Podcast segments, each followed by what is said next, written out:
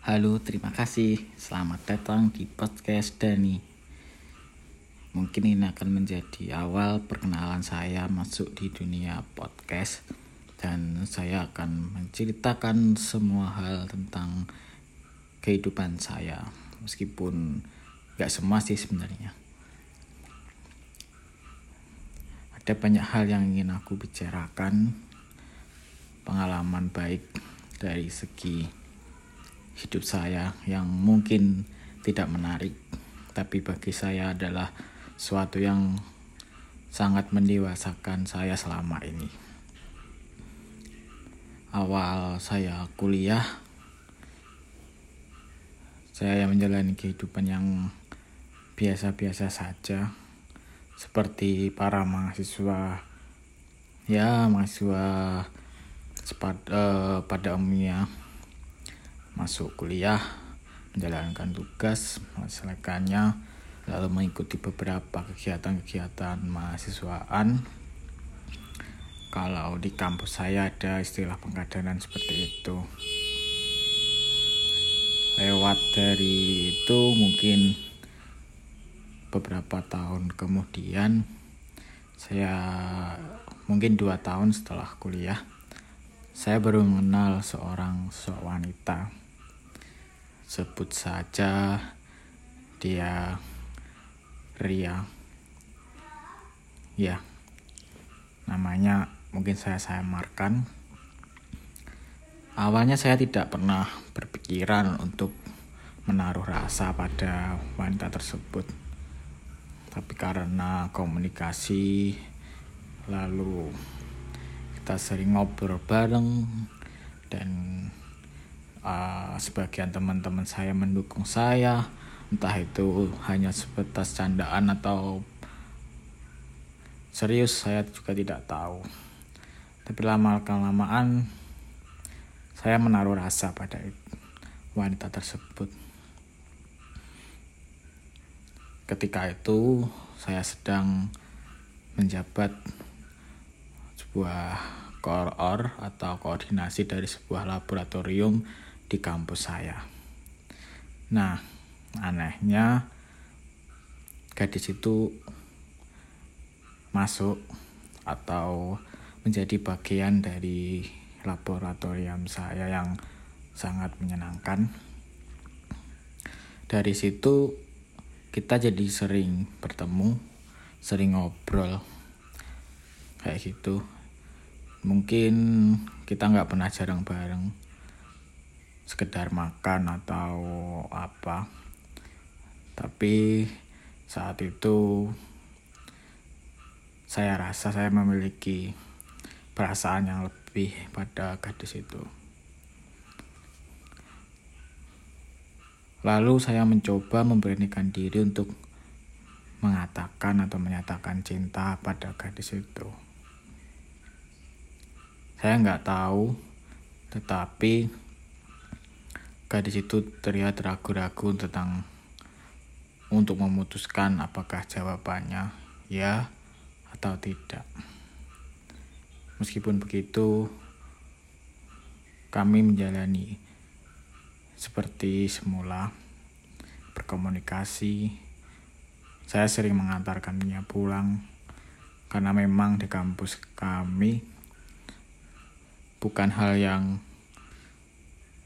oh, tabu atau bukan hal yang tidak biasa kalau mahasiswa pulang sore hari. Karena kami ke, kebiasaan kami adalah mengerjakan tugas dan mengikuti pelatihan atau pekaderan sehingga pulang kami larut malam.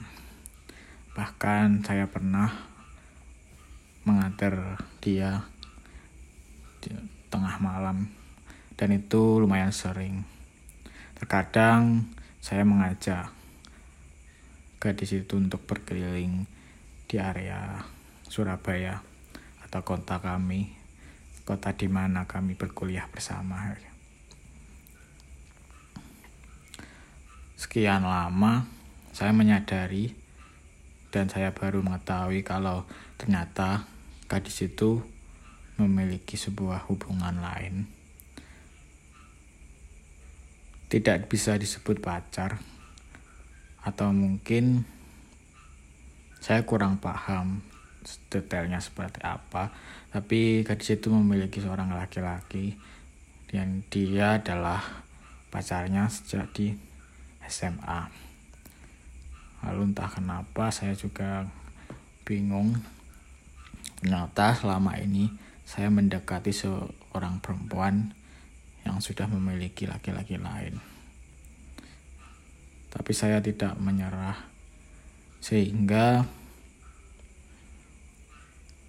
saya merasa kalau saya berada di, menjadi orang yang orang ketiga dari hubungan mereka. Meskipun saya tahu kalau itu adalah hal yang sangat-sangat buruk bagi saya. Tapi saya terlalu memaksakan memaksakan untuk tetap lanjut pada gadis itu. Kami selalu berhubungan dengan baik, baik di lab, komunikasi maupun secara sosial media.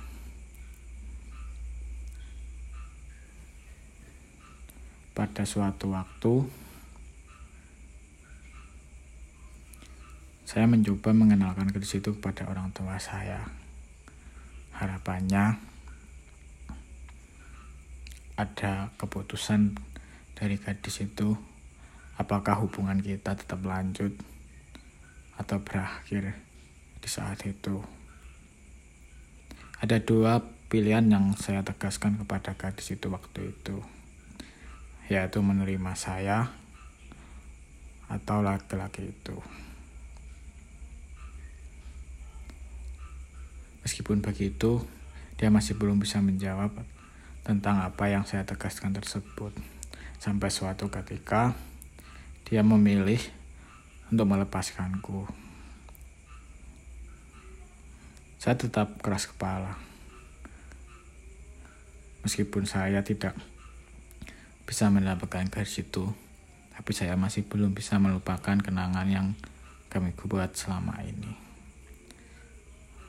Hal itu membuat saya tentunya jatuh sejatuh-jatuhnya, di mana saya belum pernah mengalami rasa tersebut selama bertahun-tahun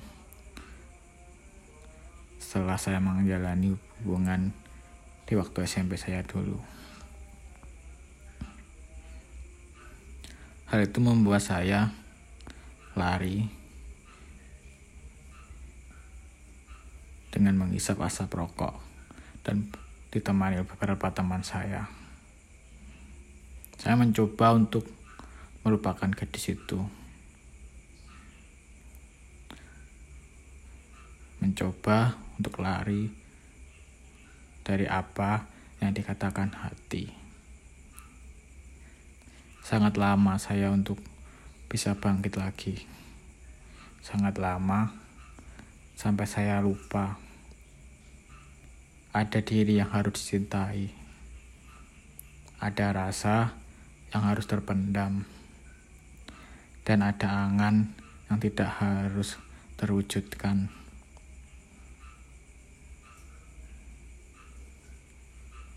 Mungkin hal itu yang membuat saya bisa lebih bersabar seperti hari ini.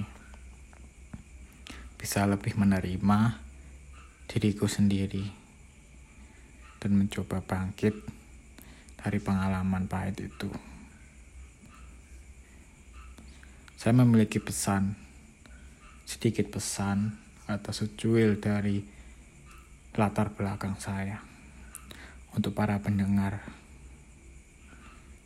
Jika memang kalian tahu kalau kalian hadir di sebuah hubungan orang lain yang mungkin itu adalah hal yang terburuk bagi kalian.